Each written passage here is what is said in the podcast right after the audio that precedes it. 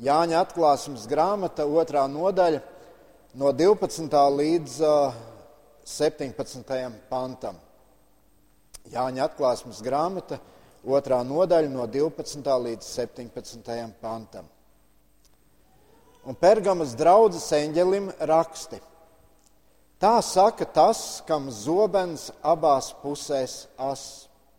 Es zinu, ka tu dzīvo tur, kur sātana tronis bet tu turies pie mana vārda un neaizliedz manu ticību. Arī mana uzticīgā liecinieka Antipas dienās, kurš tika nokauts pie jums, kurš sātans mājo. Bet tas vien man ir pret tevi, ka tev tur ir daži bālāma mācības turētāji, kas mācīja Balaku celt apgrēcību Izraēlu bērnu vidū ēst alku upurus un piekopt netiklību. Tev tur ir arī daži Nikolaitu mācības cienītāji. Atgriezies, bet ja ne, tad es nākšu drīz pie tevis un karošu pret viņiem ar savas mutes zobenu. Kam ausis tas lai dzird, ko gars saka draudzēm. Tam, kas uzvar, es došu no apslēptās mannas.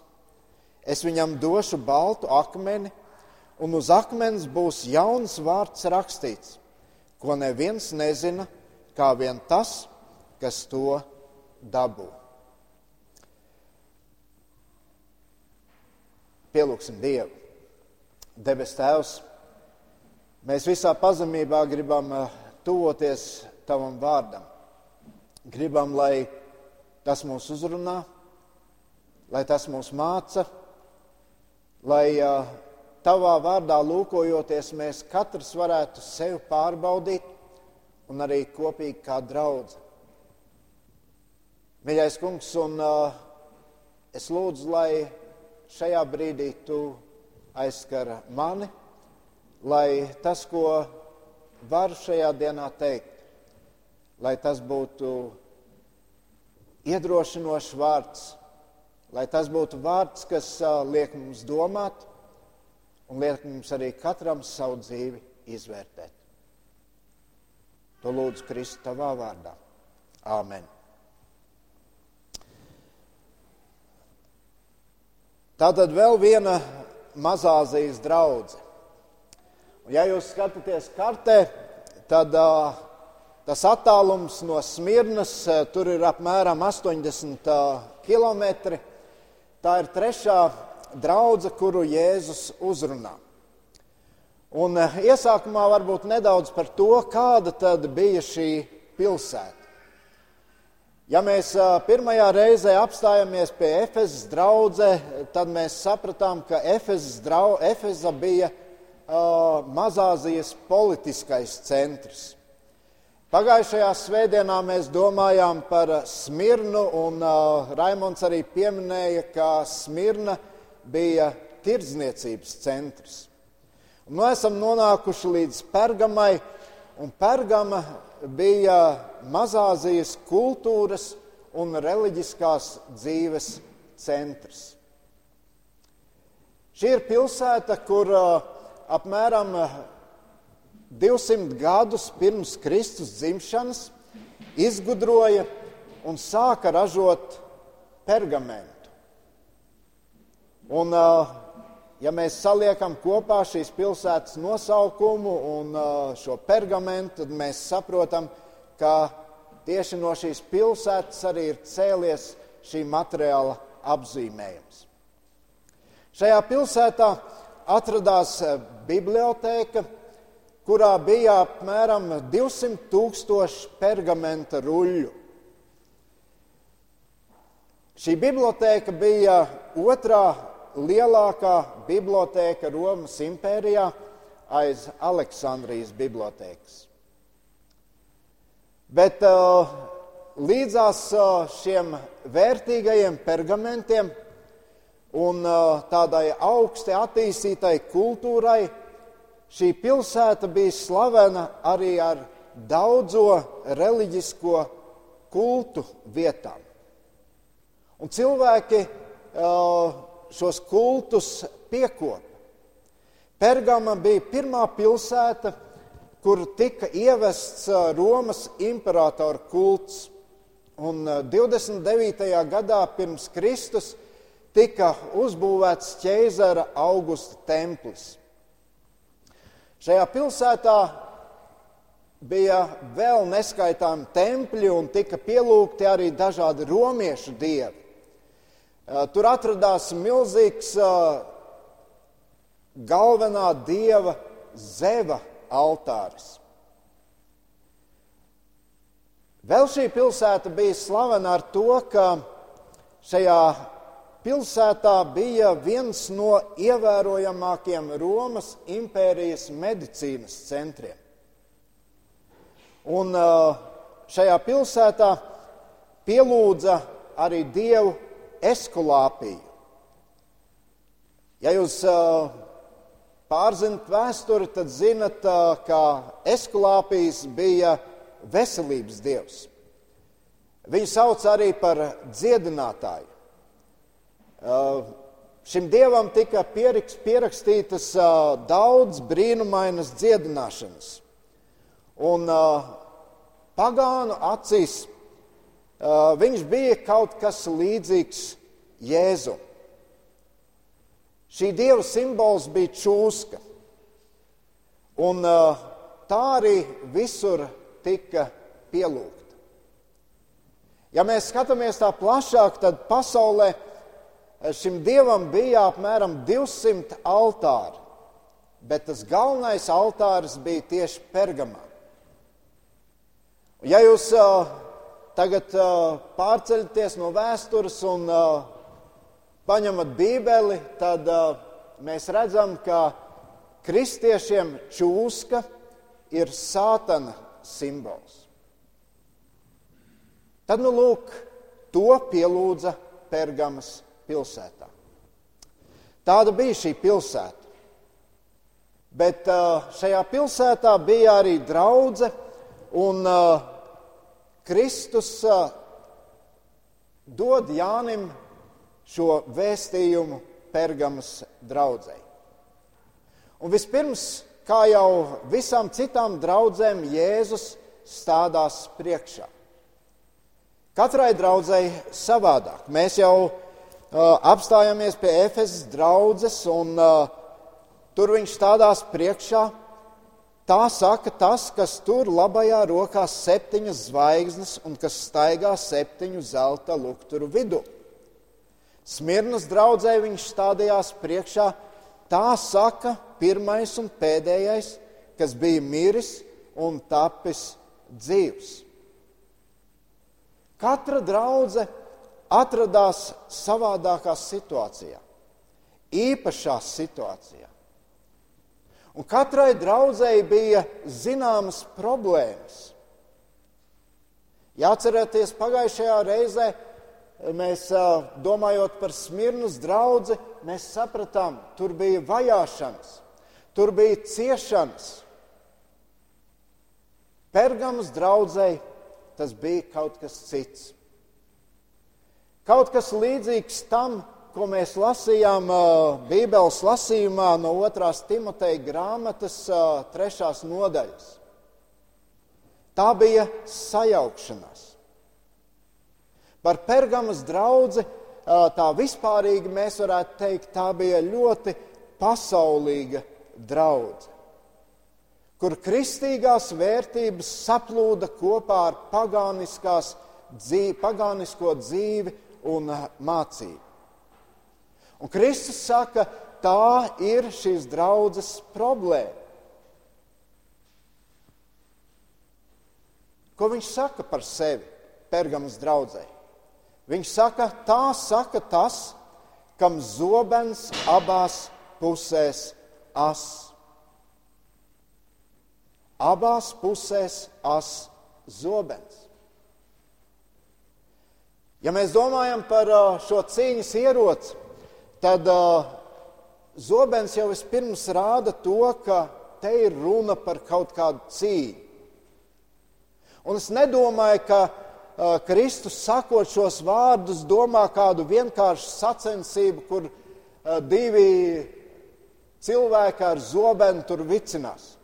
Nē. Tā bija cīņa uz dzīvību un nāvi. Ja mēs domājam par kristiešu dzīvi, tad mēs varētu teikt, arī kristiešu dzīve ir cīņa.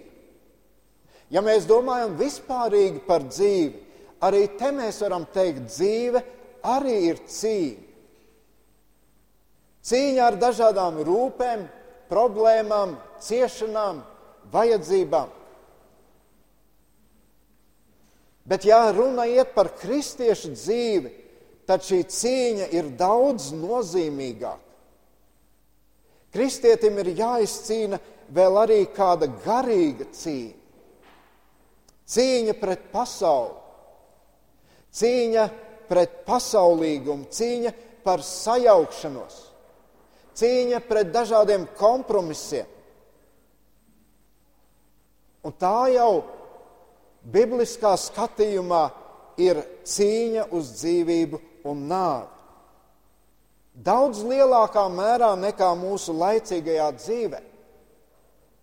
Jo tieši šeit izšķiras mūžīgās dzīves vai mūžīgās nāves liktenis. Cīņai ir vajadzīgs ierocis. Kas ir mūsu rokā? Tad, kad mēs izcīnām šo garīgo cīņu. Cīņai ir vajadzīgs ierocis. Un ja mūsu rokās nekā nav, tad, diemžēl, mums arī nav nekādu cerību uzvarēt. Un tam, kas šodien stādās priekšā, rokās ir kāds ierocis.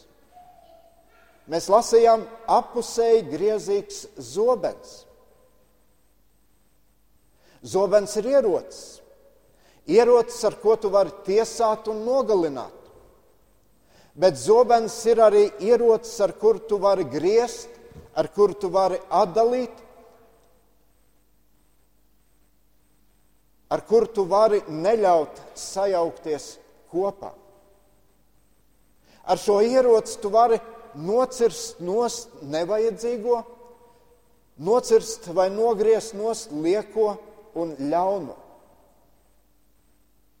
Ja mēs atveram Bībeli, tad uh, ebrejiem 4.12. mēs lasām, jo Dieva vārds ir dzīvs un spēcīgs un asāks par katru abās pusēs griezīgu zobenu. Dieva vārds. Vienā pusē ir bauslība, kas uzrāda vainu, otrā pusē ir evaņģēlijs, kas atbrīvo un dziedina. Dieva vārdam ir spēks. Dieva vārds var tiesāt, bet tas var arī palīdzēt un glābt. Tas var nest uzvaru.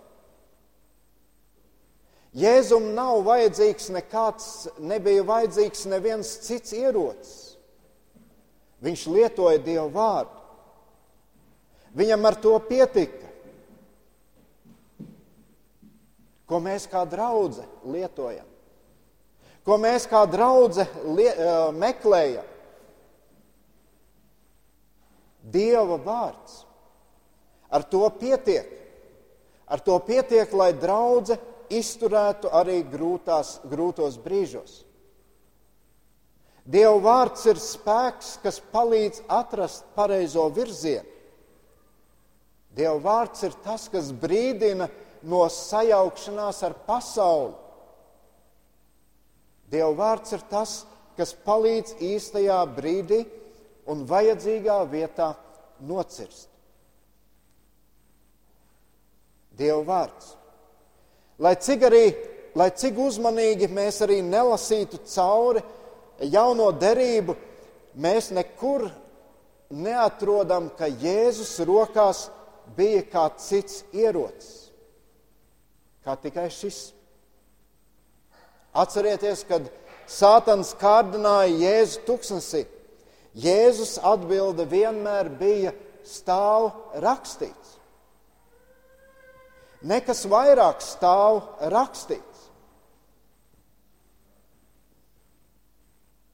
Un, mīļie draugi, ja mēs gribam patiesi cīnīties, ja mēs gribam uzvarēt, ja mēs negribam sajaukties ar pasauli, ja mēs gribam iegūt mūžīgo dzīvību, tad tev rokās ir jābūt šim ierocim, Dieva vārdam, Bībelē.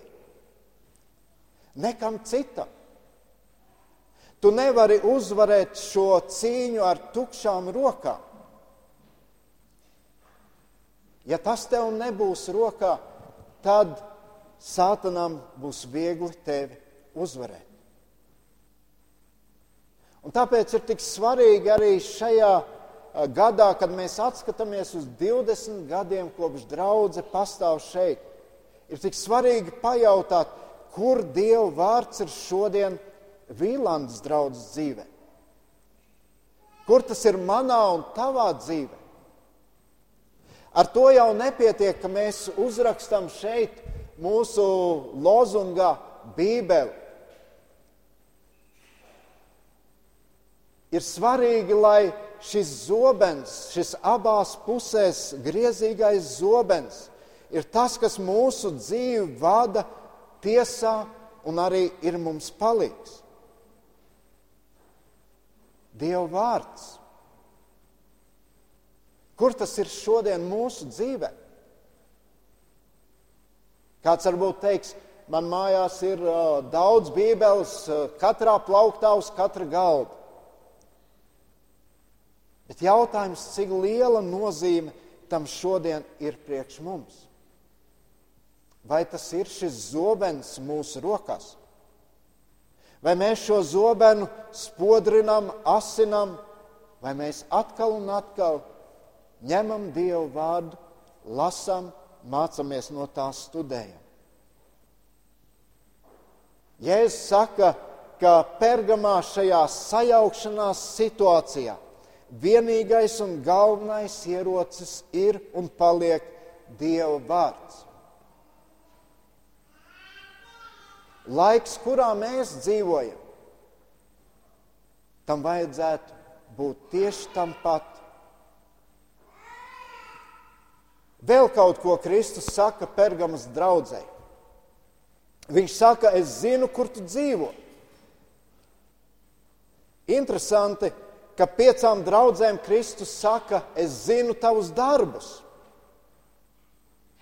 Bet šeit Pergamai es zinu, kur tu dzīvo. Mums arī taču ir svarīgi tas, kur mēs dzīvojam. Jo tai videi, kurai, kurā mēs atrodamies, tā ir savs iespējas uz mūsu dzīvi. Kāds varbūt dzīvo kādas trokšņainas ielas malā, un tur bieži vien brauc mašīnas garām, trokšņi lieli. Bieži vien tas ir apgrūtinājums. Atceros, ka es kā jauns students pārcēlos no Ventspils uz Rīgu. Un pirmās nedēļas dzīvoju tur Krišjāna Barona ielā, netālu no bērnu pasaules, pie pazīstamiem. Un katru rītu ļoti agri brauc garām tramvajs. Ne jau tādu tramvaju kā tagad, tā klusi vai ne? Bet nu, tā ritīgi trokšņaini. Man modinātāji nevajadzēja. Laiks vienmēr bija piecēlies. Bet uh, ar laiku tas sāk kļūt par apgrūtinājumu. Bet bieži vien jau cilvēki arī pie tā pierod. Es kādiem esmu stāstījis, ka dzīvojot Ventspīlī, es nekad nezināju, kā skan miglas tauri. Tagad aizbraucot, ja ir migla, es noteikti viņu dzirdēšu. Un man liekas, kā cilvēki var dzīvot, viņi tik skaļi skan, bet cilvēki dzīvo, viņi ir pieraduši. Daudz cilvēku dzīvo vientuļās vietās. Nāk vakars, viņi neiet no mājām ārā. Ir svarīgi tur, kur mēs dzīvojam, lai mēs justos labi. Bet uh, vienalga, kāda ir tie apstākļi, nevienmēr mēs varam savu dzīves vietu mainīt un meklēt labāku. Bieži vien ir jādzīvo vien turpat tālāk. Ir jāsamierinās ar dažādām problēmām, ko rada šī mūsu dzīves vieta. Bet Jēzus arī šeit, Pergamas draudzē, nemaz nesaka, es zinu, ka tur Pergamā tev ir grūti. Viņš nesaka šiem kristiešiem pārcelieties uz citu vietu, nolikvidējiet tur draugu, dibiniet draugu kaut kur citur. Un galu galā uz kurieni? Doties uh, uz dienvidiem, uz Smirnu, tur ir vajāšanas. Un ja mēs aplūkot citas vietas, nekur jau nav tā labā vieta. vieta.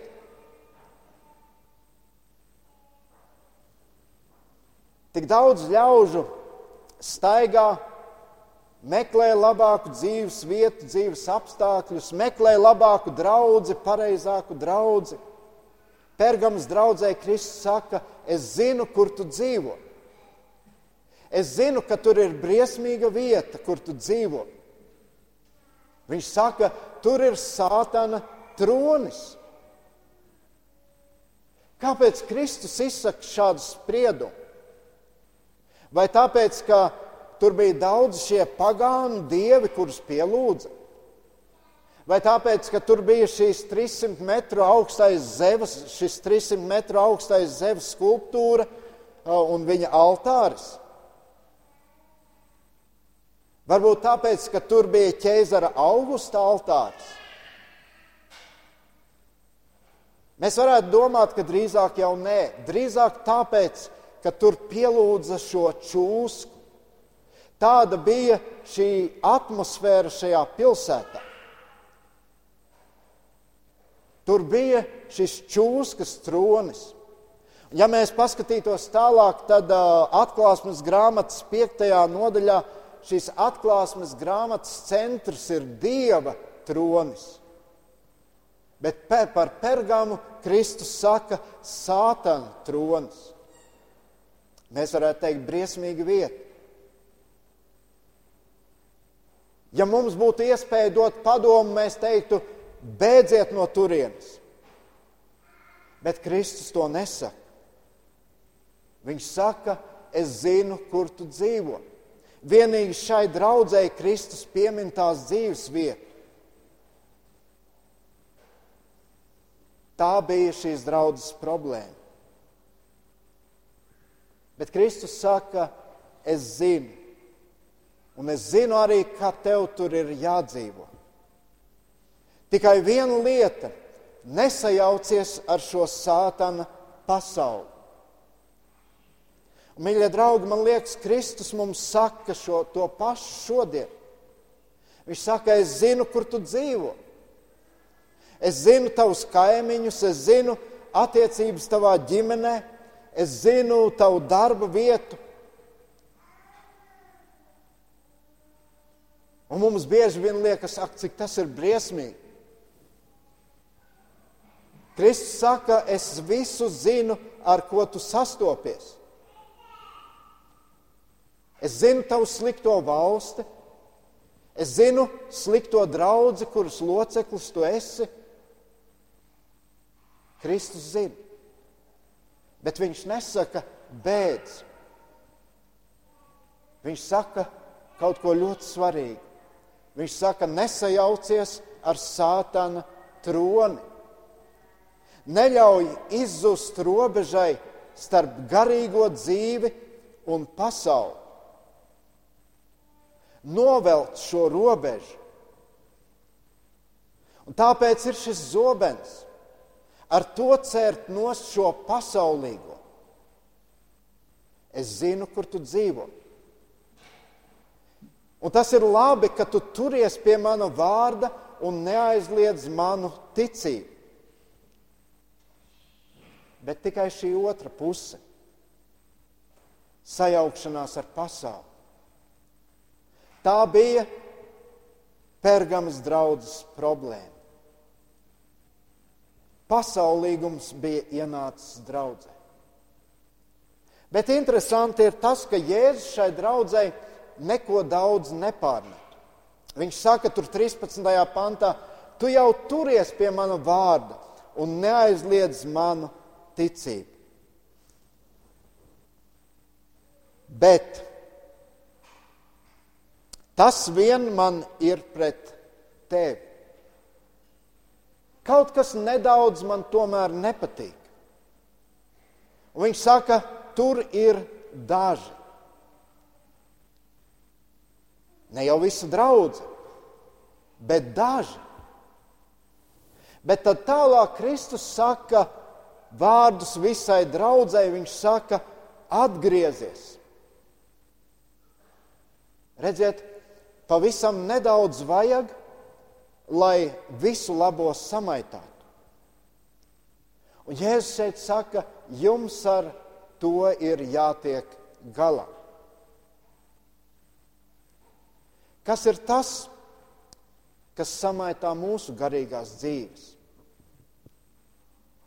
Varbūt te ir brīdis, kad mēs varam domāt, vai mēs neesam starp tiem dažiem.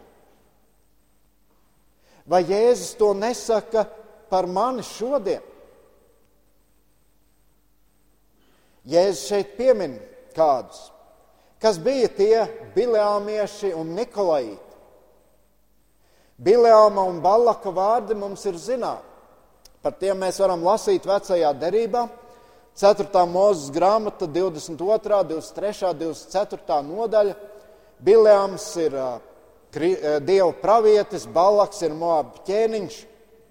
Un tur ir šis stāsts, kur Mozus un Izraēla tauta mēģina šķērs, šķērsot Moabu tuksnesi.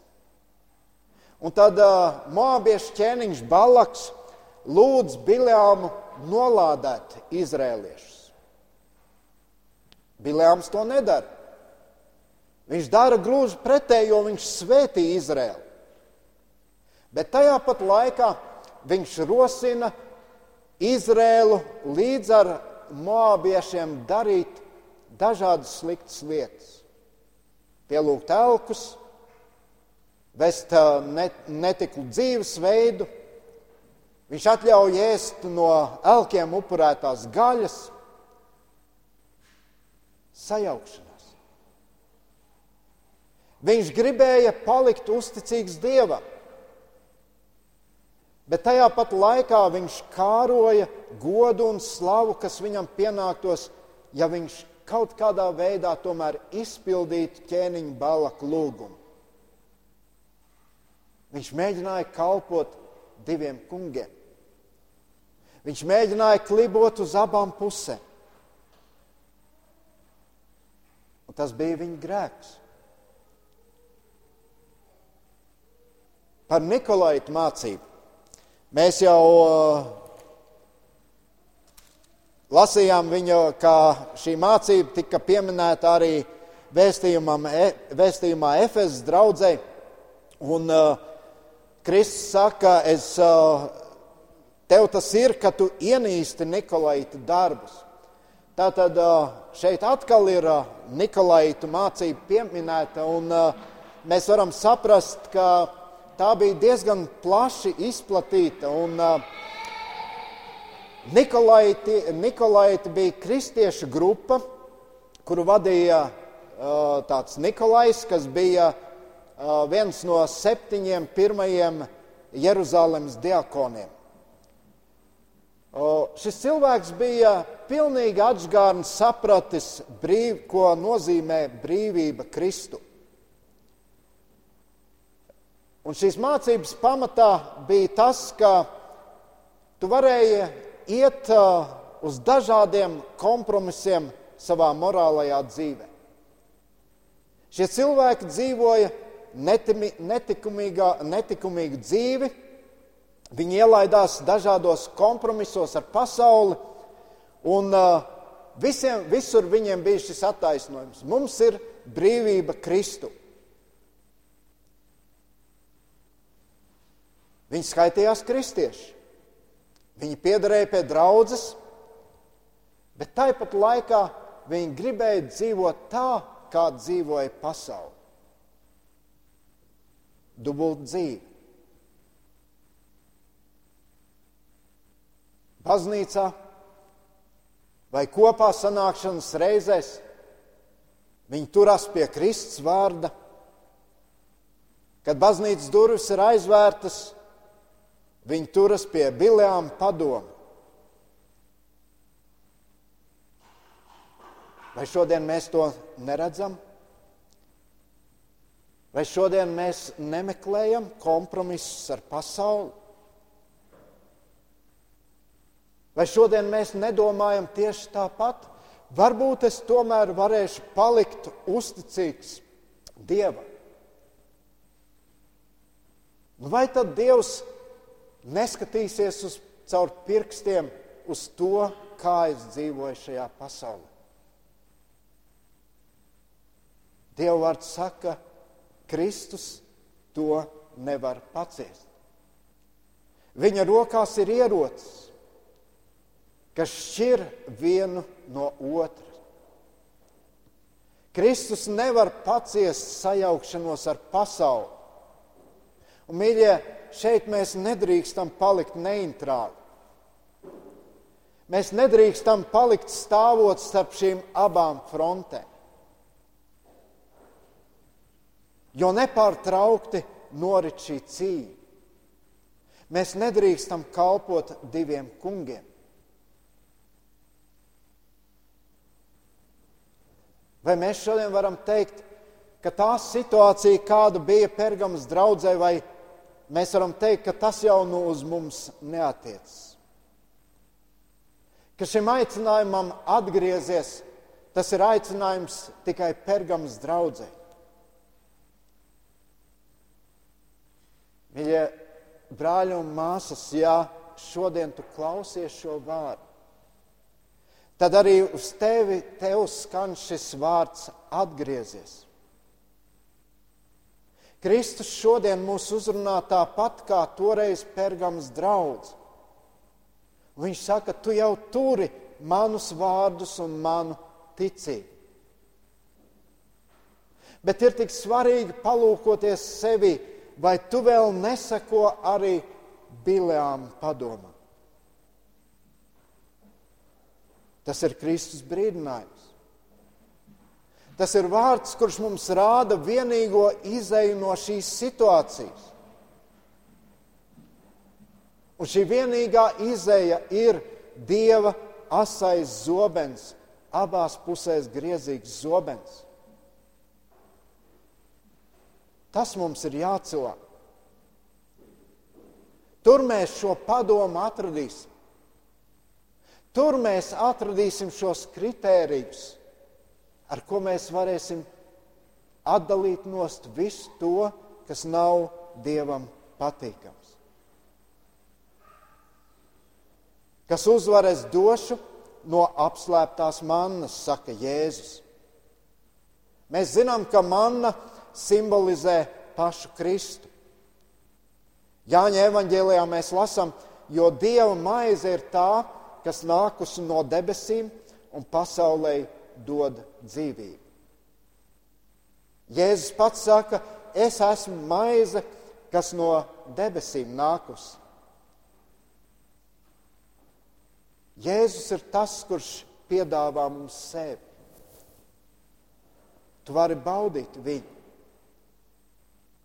Un tā ir tā lielākā balva, kuru Kristus apsola tiem, kas uzvar. Un vēl Jēzus saka, es viņam došu baltu akmeni. Es šeit apstājos un uh, meklēju skaidrojumu tam, kas ir šis baltais akmens. Balts akmens bija diezgan pazīstams tajā laikā. Vispirms jau uh, baltu akmeni kā balvu uh, blakus tam, kā tev uzlika šo lauru vainagu, to deva olimpiāžu uzvarētājiem. Tādā veidā viņi tika godināti. Balta marmora tāfelīte, kur bija uzrakstīts šī uzvarētāja vārds.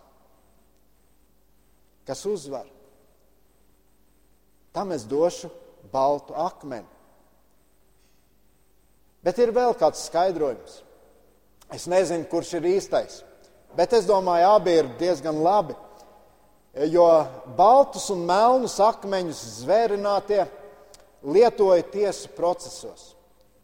Un uh, tieši Pergam bija vieta, kur uh, bija šī tiesa. Ja zvērinātie iedeva tiesnesim baltu akmeni, tas liecināja par to, ka šis tiesājamais ir attaisnots. Kas uzvar? Tam es došu baltu akmeni. Šis baltais akmens vēsta par mūsu pilnīgo attaisnošanu caur Kristus nāves nāvi pie krusta Golgatā. Un ja mēs paliekam uzticīgi, tad mums ir daļa pie Jēzus, viņa svētumā un viņa skaidrībā. Lai Dievs palīdz, ka mēs domājot par savu dzīvi, domājot par draugu, vienmēr atcerētos to, kas ir mūsu rokās. Pēc kā mēs vadām savu dzīvi? Kur mēs meklējam padomu tad, kad mēs esam kādās grūtās situācijās?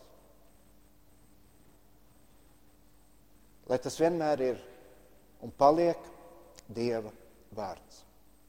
Lūksim Dievu. Tēvs, paldies Tev, ka Tu mums atgādini šo svarīgo lietu. Ka priekš mums kā draudzes, priekš katra kristieša nav nekā svarīgāka un nozīmīgāka kā tavs vārds. Un tad, kad mums ir kādi jautājumi, Dievs palīdz mums tavā vārdā meklēt šīs atbildes.